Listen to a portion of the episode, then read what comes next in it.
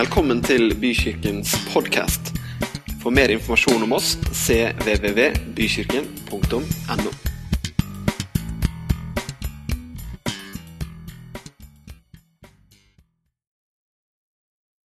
Vi takker deg, Herre, for at du er her i formiddag.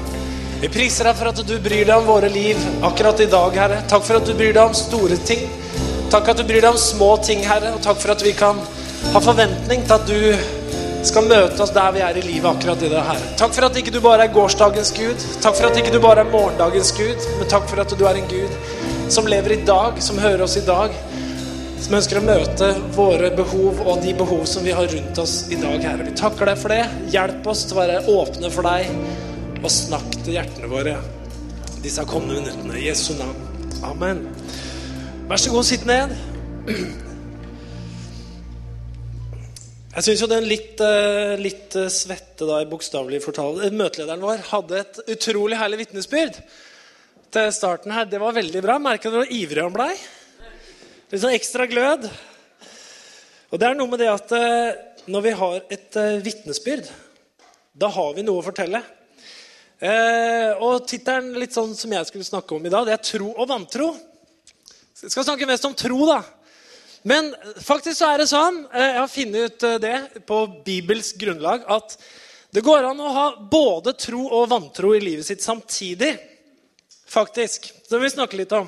Jeg vet at Temaene som har gått her noen søndager, har handla om det her med å erfare livet med Gud og det å dele livet man har med Gud, med andre. Altså det å vitne.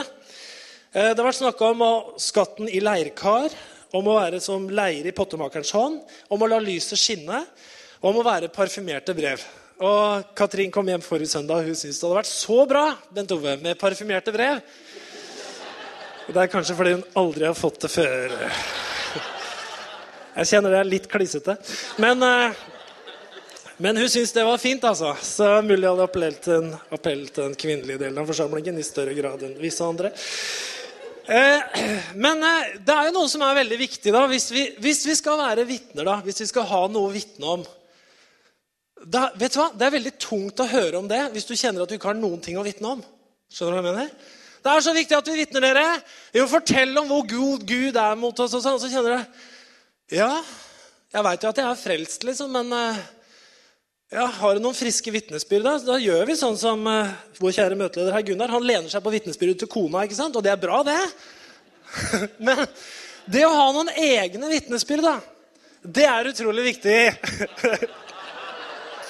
en eller annen form for egen erfaring med Gud. Nå er ikke du med i den samtalen jeg sier nå. Er, det er ikke noe sånn der, ok.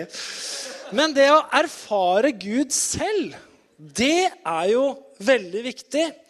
Eh, og det sa jo altså det sa Johannes òg, altså, som fulgte Jesus. Han sa jo det i 1. Johannes brev. Når han skal si hva han snakker om, og hva han deler til folk, så sier han i 1. Johannes brev 1,3.: Det som vi har sett og hørt, det forkynner vi for dere.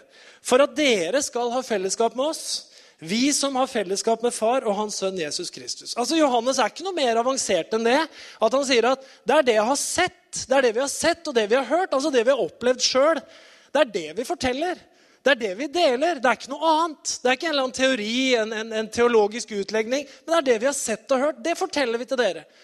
Og det gjør vi, for da har vi fellesskap med Gud. Og hvis du har fellesskap med Gud, og jeg har fellesskap med Gud, vi opplever det samme, da har vi fellesskap. ikke sant? Så verre er det ikke, da.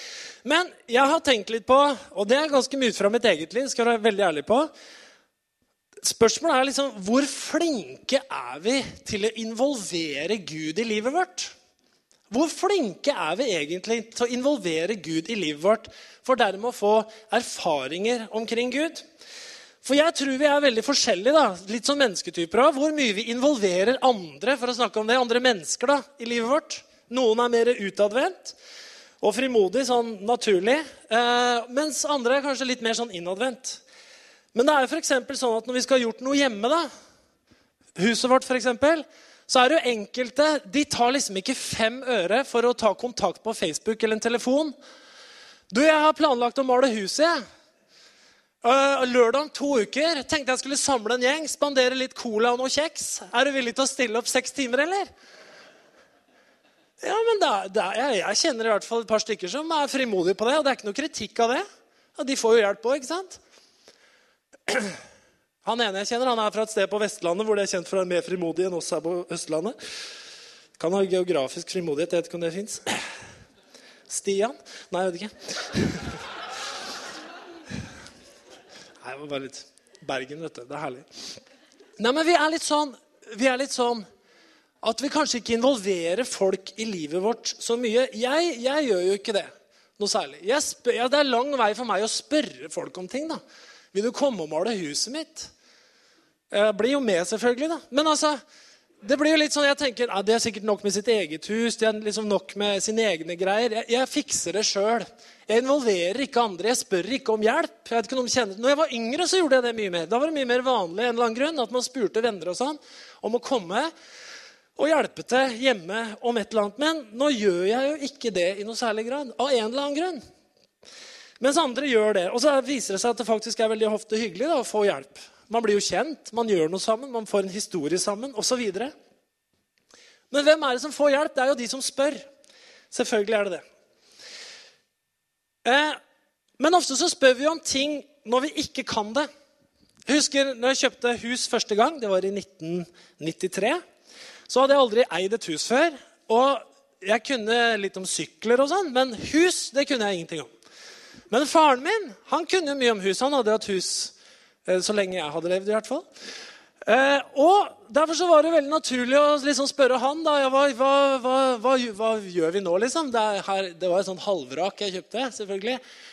Hva gjør vi her? Jo, og så hadde jo han han kunne jo det her. Måten du skjærer teppe på i en trapp, det er sånn og sånn. ikke sant? Og elektrisk, det er litt sånn, men vi fikser det sjøl.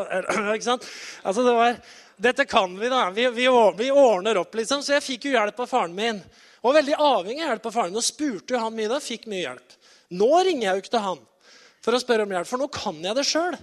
Og det er jo kanskje litt sånn gjennom livet da, at vi blir jo ganske flinke kanskje på det her med å leve livet. Kanskje vi kan mye om det her med å leve livet. Kanskje vi har mye erfaring om det her med å leve livet. Sånn at kanskje vi ikke lenger tar så veldig mye kontakt med faren vår i himmelen for å få hjelp. For det her, det her kan jeg jo. Dette har jeg erfaring med. ikke sant? Så vi involverer ikke vår himmelske pappa så mye heller. Vi ordner det sjæl.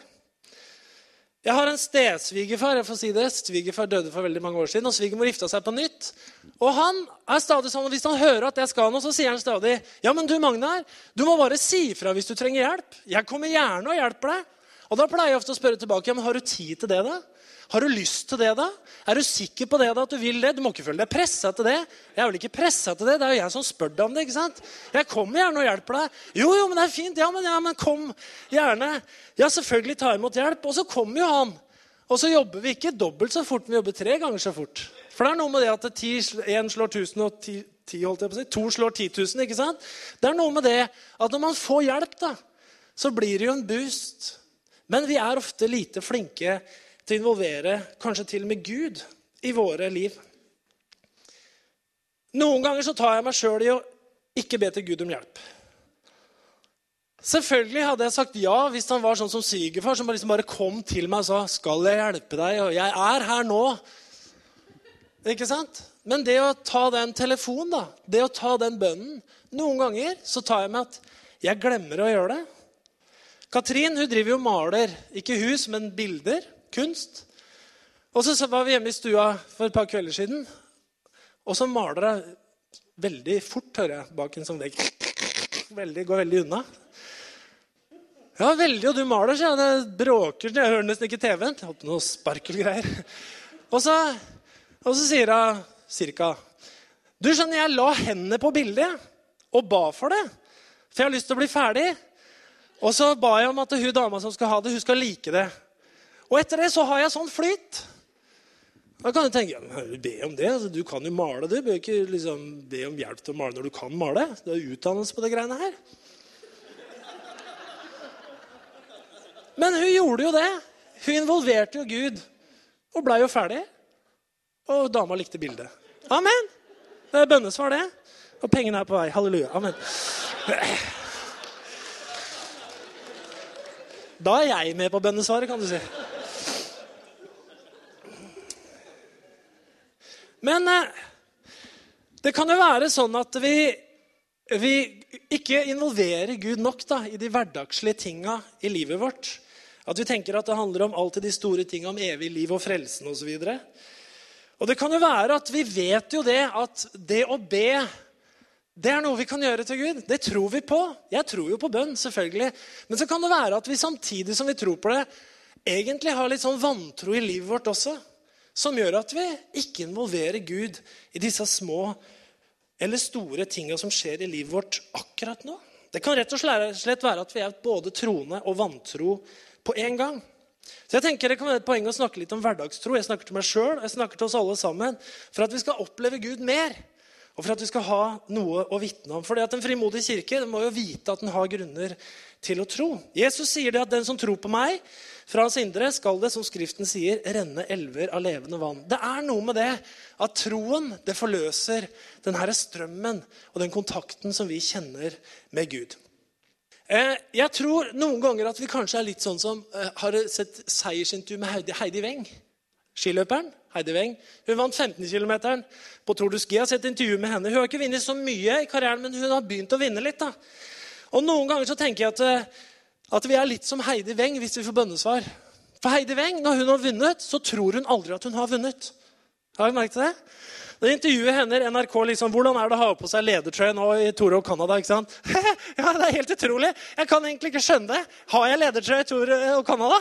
Jeg kan ikke tro det. Er det mulig å slå Therese Johaug, liksom? Jeg kan ikke tro det, men du sier jeg har vunnet. Ja, jeg leder. Jeg, jeg, jeg, jeg, skjønner det ikke.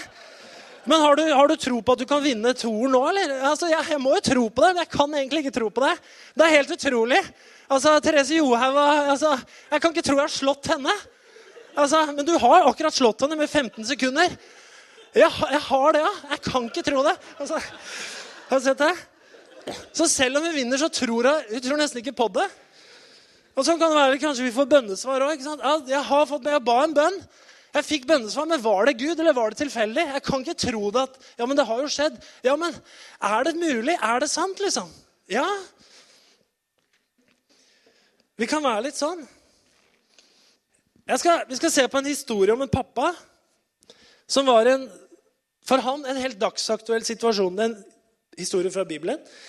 Han var i en desperat situasjon, og han valgte å involvere Jesus for å få en løsning.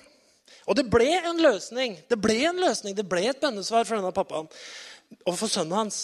Men veien fram til den løsninga inni han i forhold til tro og bønn og bønnesvar og helbredelse og sånn, den var ikke nødvendigvis helt enkel.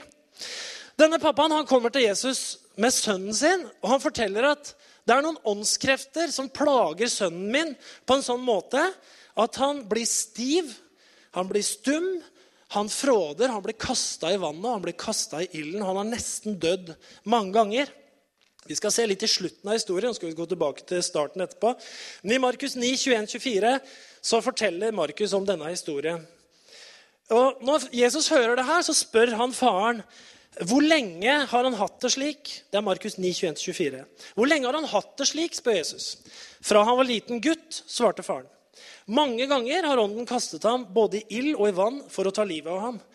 Men om det er mulig for deg å gjøre noe, så ha medfølelse med oss og hjelp oss.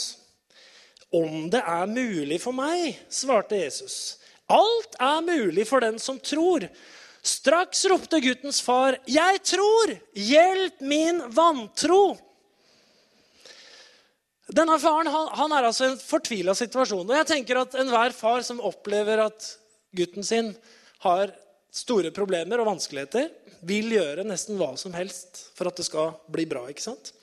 Og Jesus spør jo hvor lenge har det vært sånn. Det har vært sånn siden han var liten gutt. Dette var noe han hadde båret på lenge. Vi vet ikke hvor gammel gutten var, men tydelig at det har gått noen år. Faren vil veldig gjerne at gutten skal bli bra. Og jeg tenker at eh, måten Hvorfor folk kom til Jesus på, var fordi at ryktet gikk jo hele tida. Jesus fra Nasaret han helbreder syke. ikke sant? Det skjer under, det skjer tegn, det skjer mirakler overalt der hvor Jesus er. Og Faren må ha hørt om det her og bestemt seg for det er håpet for gutten min. Jeg må ta med ham til Jesus, for da kan det være at det skjer noen ting. Da kan det være at gutten min kan bli fri fra alle plagene. Nå var det sånn at mannen kommer med gutten sin til der hvor Jesus egentlig var. Men akkurat da så var Jesus borte. Det var mange av disiplene til Jesus som var der, men Jesus var av gårde en liten tur sammen med Peter, Jakob og Johannes. Det står at Jesus var oppe på et høyt fjell i nærheten. Og der skjer det noe helt fantastisk, for der ble Jesus herliggjort foran de tre disiplenes øyne. Altså de får, det lyser av han, ikke sant? og Elias og Moses kommer, og det er en ganske stor opplevelse. Kan du se? Så Peter blir forvirra. Skal vi bygge hytter her? Du kjenner historien? Kanskje? Men i hvert fall, Jesus er ikke til stede selv da, akkurat når denne mannen kom med sønnen sin. Men så var det også sånn at ryktet hadde gått om at det var ikke bare Jesus som helbreda, for Jesus hadde sendt disiplene ut han med kraft. Så disiplene, det kan vi lese om i Bibelen, disiplene helbreda også syke. De onde åndene adlød også disiplene. ikke sant? De vekte opp døde. Det var masse som skjedde. så når han kommer, så er det sannsynlig tenker jeg, at han tenker ja, men det går jo bra. Disiplene er jo her. Så kanskje de kan ikke sant, komme med den samme kraften og helbrede gutten min. Eh, men det gikk ikke bra. Helbredelsesforsøkene de var mislykka. Og alt sammen ender opp som en veldig sånn slitsom greie. Jeg kan bare tenke, det, det står det er masse folk der. Når Jesus kommer tilbake, så er det bare diskusjoner der. Det er krangling. Fariseeren og de skriftlærde var der. Der er det pappaen og gutten. Disiplene har prøvd med helbredelse. ikke sant? Håndsbeleggelse. Ingenting har skjedd. Fariseerne står der og krangler med dem. Masse folk står og ser på, står og hører på. Og der har du gutten som står midt i. Det er ingen god situasjon i det hele tatt som har oppstått. Så her kommer Jesus tilbake. I Markus 9, 14-19. Da de kom tilbake til de andre disiplene, altså Jesus og de tre han var sammen med, så så de en stor folkemengde samla omkring dem. Altså omkring pappaen og denne gutten. Og noen skriftlærde som diskuterte med dem. Straks folk fikk øye på Jesus, ble de forferdet, og de løp mot ham for å hilse. Da spurte Jesus, 'Hva er det dere diskuterer med dem?' En i mengden svarte, 'Mester, jeg er kommet til deg med sønnen min, for han har en ånd som gjør han stum.' Og når den griper fatt i ham, kaster den han over ende. Han fråder og skjærer tenner og er helt stiv. Jeg ba disiplene dine om å helbrede ham, men de maktet det ikke. Da sa han til dem, du vantro slekt, hvor lenge skal jeg være hos dere? Hvor lenge skal jeg holde ut med dere? Kom hit med gutten. Så her kom Jesus, og alle bare Der kommer han! Åh, liksom, Nå er det dårlig stemning her. Hva vil Jesus si nå, liksom? Og Disiplene var kanskje nervøse. Vi har prøvd, ikke sant? Det har ikke skjedd noen ting. og i det hele tatt. Jeg er sikker på Fariseerne sto der og anklaga dem. Og hvem tror dere at det er dere er? Som går utenom Moseloven. og hvem, hvem, er Jesus? og Hva er det dere holder på med, egentlig? Det var ganske dårlig stemning. Og så ser vi at Jesus han blir på en måte For å være helt ærlig, Jesus blir litt irritert her, eller? Han gjør jo egentlig det. Sånn som jeg leser det, i hvert fall. Han sier, eh, 'Du vantro slekt, hvor lenge skal jeg orke å være sammen med dere?' 'Hvor lenge skal jeg holde ut med dere, egentlig?' 'Kom hit med gutten.' Det ligger litt sånn anklage i lufta her. Og det kan nok være overfor hele folket da, som sto og sa Nytter ikke å helbrede sånt. vet du. Går ikke det. Pappaen ta pappaen tenker jeg må være et sånt indre dilemma. Han har kommet med håp om helbredelse. Og så setter de i gang, og så er det ingenting som skjer. Det skjer absolutt ingen helbredelse. Det skjer ingenting i positiv retning. Tvert om. Det blir uventa motstand, det blir diskusjoner, krangling. Kanskje nesten, nesten som et overgrep mot sønnen i all offentlighet. Her står han og liksom er sentrum for det her som alle krangler om. Der står han, kanskje en tenåringsgutt. Det høres ikke bra ut. Og så kommer Jesus da, og virker irritert på alle sammen fordi at de ikke de tror skikkelig. At de er så vantro. Og da står faren der. Masse bønn har blitt gjort. Håndspregelse, ingenting har skjedd. Krangling, masse folk som ser på. Han føler seg litt pressa da. Jeg hadde i hvert fall følt det. Du har veldig omsorg for gutten din, at det her skal gå bra. Og så kommer Jesus, og sier, 'Hvor lenge skal jeg orke å være sammen med dere?' Vantro! Og da spør pappaen et forsiktig spørsmål. Er det mulig for deg å gjøre noe? Vi leser historier i Bibelen hvor folk roper ut 'Jeg vet at du kan helbrede meg!' Men denne pappaen gjorde ikke det. Han spør, 'Er det mulig for deg å gjøre noe, Jesus?'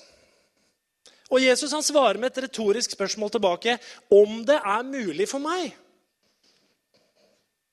Da sa ikke pappa noe mer, står det.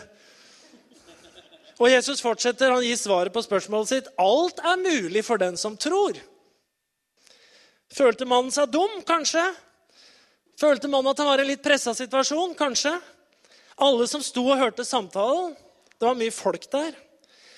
Og jeg tenker at Pappaen han skjønte nok at her, her burde jeg nok tro. Jeg burde nok svare ja.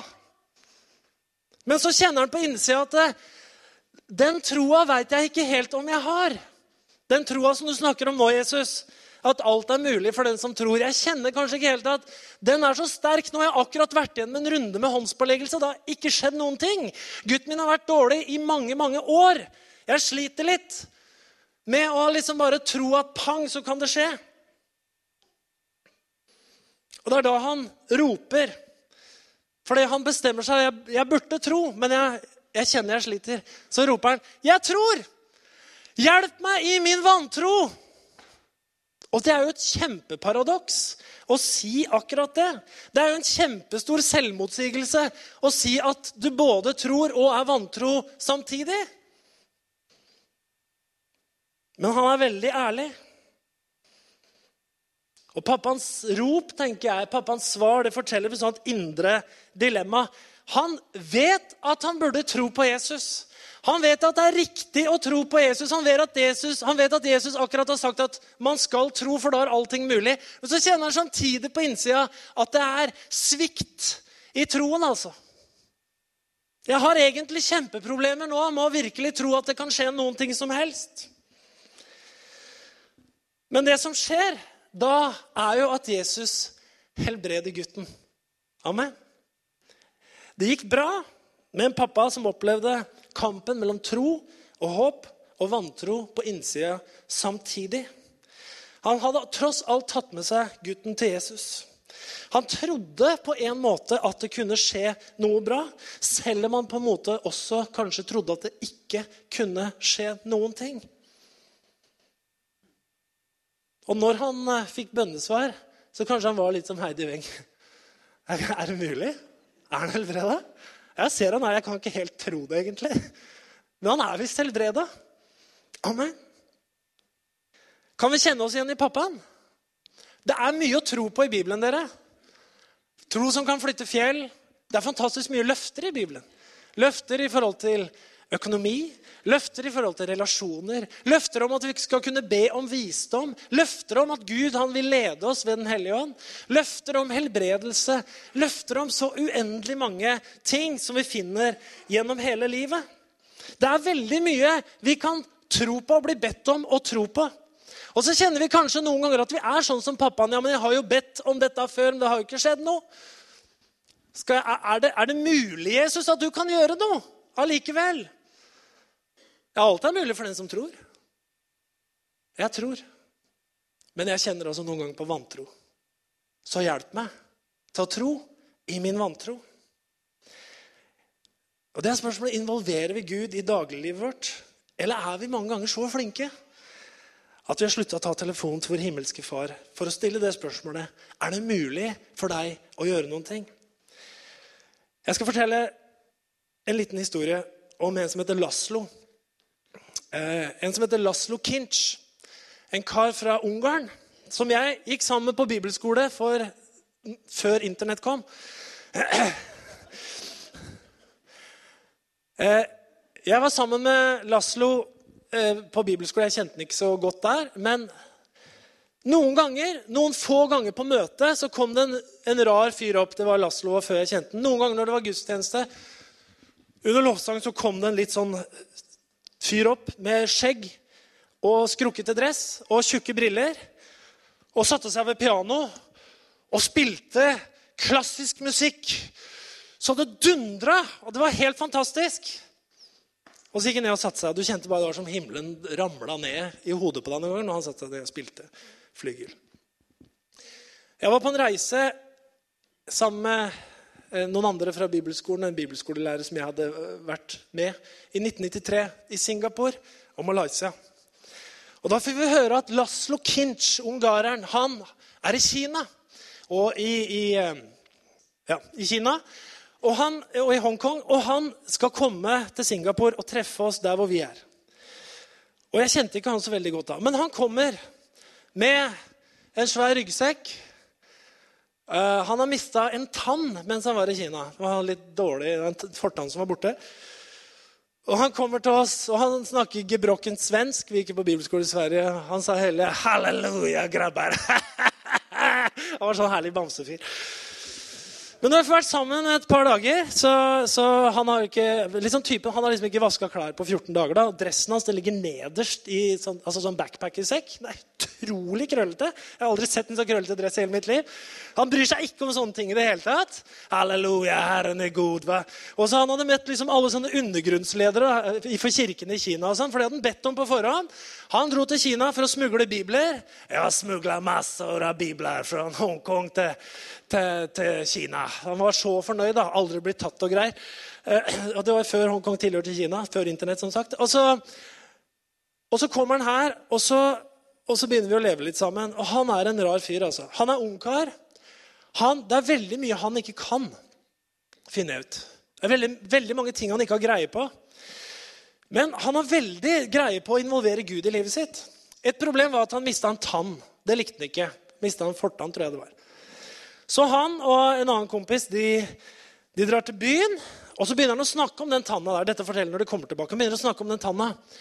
At jeg skulle hatt ny tann og greier. Fått fiksa de tennene mine. Men det her var som sagt før Internett. jeg vet ikke om jeg nevnte det før. Men i hvert fall, da kan ikke bare gå og google. Den gangen kunne du ikke google da, tannlege ikke sant, i nærheten av der vi bodde. Da måtte du ha en telefonkatalog. ikke sant? Og Så han er i byen og plutselig sier til kameraten min som er sammen, at du, jeg behøver telefonkatalog. Jeg måtte ha, jeg måtte ha liksom tandläkare nå. Jeg måtte fikse det her. Jeg kjenner Herren sier til meg jeg skal fikse tennene nu. Ja, Herren sier det. Ja, ja, ok. Altså, ikke sant? Det, det, det her skjedde, altså. altså. Så går de ut, for de var på et kjøpesenter, han begynte å snakke om det, så går de ut av døra, og utafor står det en lastebil med lastelemmet nede, og den er full av telefonkataloger. Halleluja, bønnesvar, ikke sant? Han med en gang. Han går bort og får telefonkatalog. Og han, han slår opp da på, etter tannlegere. Jeg bare be. Finne rette tannlegere. Jeg må ha gratis og ingen penger. Han finner tannlege, ringer. Herren sier jeg skal gå den tannlegeren her. Så jeg går til en tannlege, så er jeg ikke så veldig langt unna. Kommer opp til tannlegekontoret. Og der vet, eh, det, Han har ikke penger, han har bare noen få kroner igjen etter den turen han har vært på. Han hadde ikke planlagt ting, han. Og så, og så sier han til de tannlegefolka når han kommer opp der, at eh, ja, 'Jeg har ikke noe penger, men jeg er misjonær, jeg er kristen, jeg har vært i Kina smugla bibler.' Så liksom Jeg trenger nytt tann. Og hun der som jobber der, da, hun er kristen, hun tannlegeren. Så hun får jo veldig sans for ham. Så ja, du skal få det gratis, sier hun. Så han havner i tannlegestolen, han. Dagen etterpå de fikser tennene hans og alt mulig.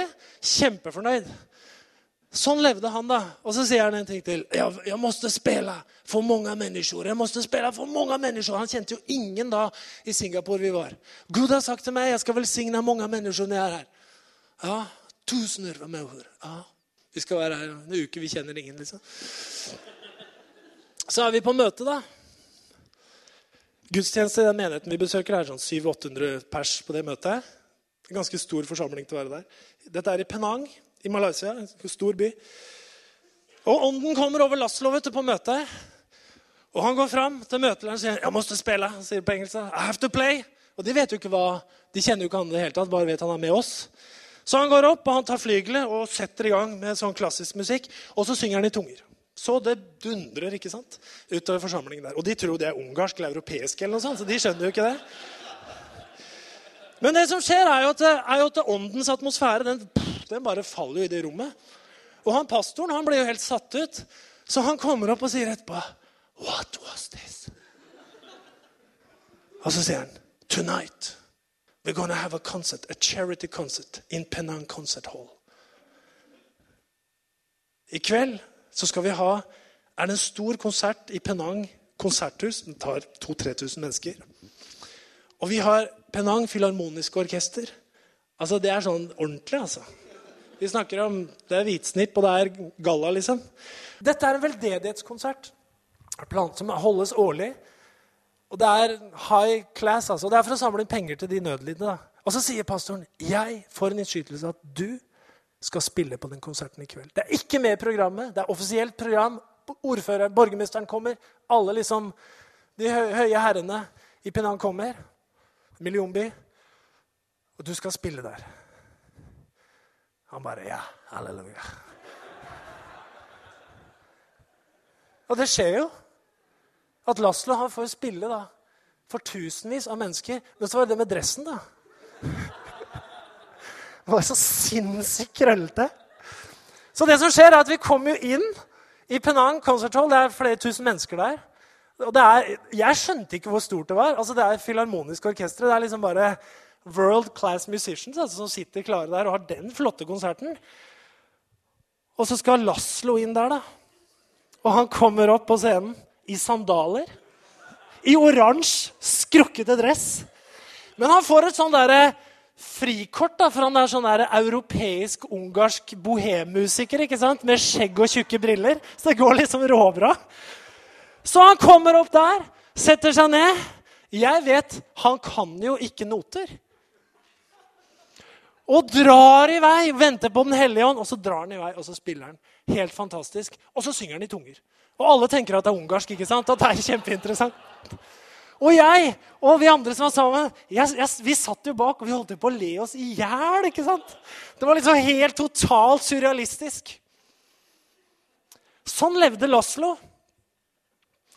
Han involverte Gud i alt mulig. Etter det så var han fornøyd. han. Da hadde for Gud hadde sagt at han skulle velsigne tusenvis av mennesker. og du vet, Han gjorde faktisk det altså, den dagen.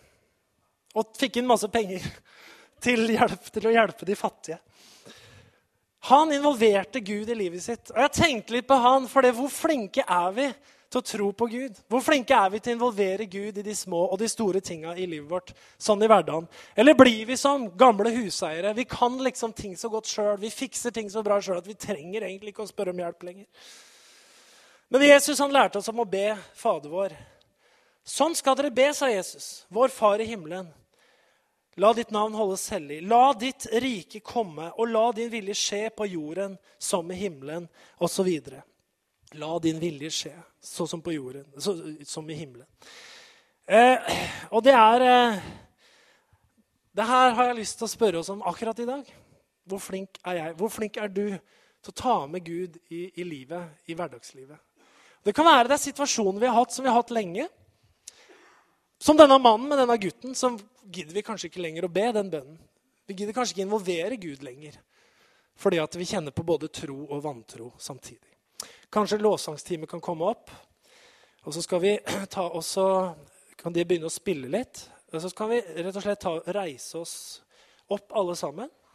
Skal vi bruke noen få minutter sammen og reflektere litt, be litt, være sammen med Herren rundt det her. Jeg tenker at uh, den som ber, han får. Ikke sant? Den som ikke ber, han Kanskje, han får, kanskje vi får allikevel noen ganger, selv om vi ikke ber. Det tror jeg. jeg tror Gud han velsigner oss selv om vi ikke konkret alltid har bedt om ting. Men hvis vi skal oppleve disse bønnesvara, da, så er det jo som Gunnar fortalte om fantastisk vitnesbyrd, forresten, i starten her. ikke sant? At når man har bedt noen konkrete bønner da, og ser konkrete svar, så blir det et konkret vitnesbyrd av det. Og det er noe som vi trenger å bli påminnet. Så la oss be. Herre Jesus Kristus, takk for at du eh, gjorde mye når du var her, men du ga oss også fantastiske løfter i forhold til hvordan vi skulle kunne ha en relasjon med deg etter at du var borte. Takk, Herre, at du sa at vi kunne be om hva vi ville, så lenge det var etter Guds vilje. Takk for at du sa vi kunne be og vi skulle få. Og Herre, du ber oss om å ha med deg i livet vårt, Herre. Selv om vi er flinke, selv om vi kan mye, så kan du alltid enda mer, og du kan velsigne så enda mye mer. Takk, Herre, for at du ikke bare er en som bryr deg om de store tinga med evig liv og frelse. Men takk at du også bryr deg om de vanlige, de tinga som vi lever i akkurat nå, Herre. Om det gjelder til økonomien vår, om det gjelder karrieren vår, om det gjelder familielivet vårt, om det gjelder relasjonene våre, om det gjelder helsa vår, om det gjelder hva som helst, så er du interessert, Herre, i at vi skal ha med deg og involvere deg og spørre om velsignelse og hjelp og veiledning i Jesu mektige navn. Og jeg tenker nå mens vi står her akkurat nå, så kan du tenke at jeg Eller jeg tror at Herren minner deg kanskje om kanskje områder i livet ditt hvor du er litt som denne mannen, da. Som kjenner på både tro og vantro samtidig. Men så valgte han da å be allikevel Jesus om hjelp. Kanskje det er områder i livet som du har akkurat nå. Kanskje ikke du har tenkt på å be om det engang. Kanskje ikke du har tenkt på å involvere Gud i det, i det, i det området engang. Det bare er som det er, liksom. Eller du tenker at 'jeg fikser allting sjøl'. Skal vi ta og bare involvere Gud i livet vårt akkurat der vi står nå? Hvis du har en konkret situasjon som du tenker på nå, som Den hellige ånd minner deg på, så ber vi Herre om at, eh, at vi kan få komme og be til deg akkurat nå. Takk at vi kan få lov å legge det store eller det lille framfor deg akkurat nå. Og Herre, takk for at du minner oss om at du alltid er med oss. Takk for at du alltid bryr deg, Herre. Takk for at vi, vi skal få lov å erfare deg i hverdagen, Herre. Vi takker deg for det, Jesus. Jeg takker deg for det, Herre. Jeg ber Hellige Ånd, du som er troens ånd, at du vekker troen i våre hjerter. På områder hvor det kanskje har vært dødt, Herre. At du minner oss på at du alltid er der. At du minner oss på at du alltid vil lede oss. At vi involverer deg på nytt, Herre. I Jesu mektige navn. Vi takker deg for det. Takker deg for det, Herre. Takk for helbredelse, Herre. Takk for veiledning. Takk for økonomisk forløsning, Herre. Takk for visdom til å reparere relasjoner. Takk, Herre Jesus Kristus. Vi priser deg, vi priser deg. Vi takker deg, Herre. Takk, Herre, for at vi skal få lov å oppleve personlige erfaringer med deg i Jesu navn. Og så tenker jeg det kanskje kan være sånn også vet du, i forhold til troen på Gud. da. Det er jo Det er jo et steg, det å begynne å tro. Tro på en som ikke ser. Ikke sant? Vi kan absolutt få styrka troen vår ved å høre sånne vitnesbyrd som vi hørte i stad. Fantastisk. Men det er også sånn at du kanskje, kanskje, kanskje du er her, da, som sliter med det her med Skal jeg tro? Kan jeg tro? Skal jeg tro på Gud? Så kan det være du kjenner på akkurat den samme greia. Både tro og vantro samtidig på innsida. Ikke sant? Er det mulig? Denne mannen spurte jo er det mulig for deg, Jesus, å gjøre noe. Er det mulig, liksom? Er det, er det sånn at det går an? Om det er mulig, sa Jesus. Selvfølgelig. Du må bare tro. Ja, men jeg kjenner på begge deler. Jeg både tror og har vantro samtidig. Da får du hjelpe meg, da, Jesus, ikke sant? med vantroen min. Og så, så gjorde Jesus det. Så blei det bra. Hvis du er her som er i en sånn situasjon i forhold til det å tro på Gud, det å tro på Jesus, det å ta imot Jesus som frelser Kanskje du kjenner på begge deler. Så prøv å velge å tro. Bestem deg. Tro er også et valg. Tro er noe som kan vokse opp gjennom følelser. Men tro er, i enden så er tro alltid noe man velger å gjøre. Ikke sant? Man må ta et valg.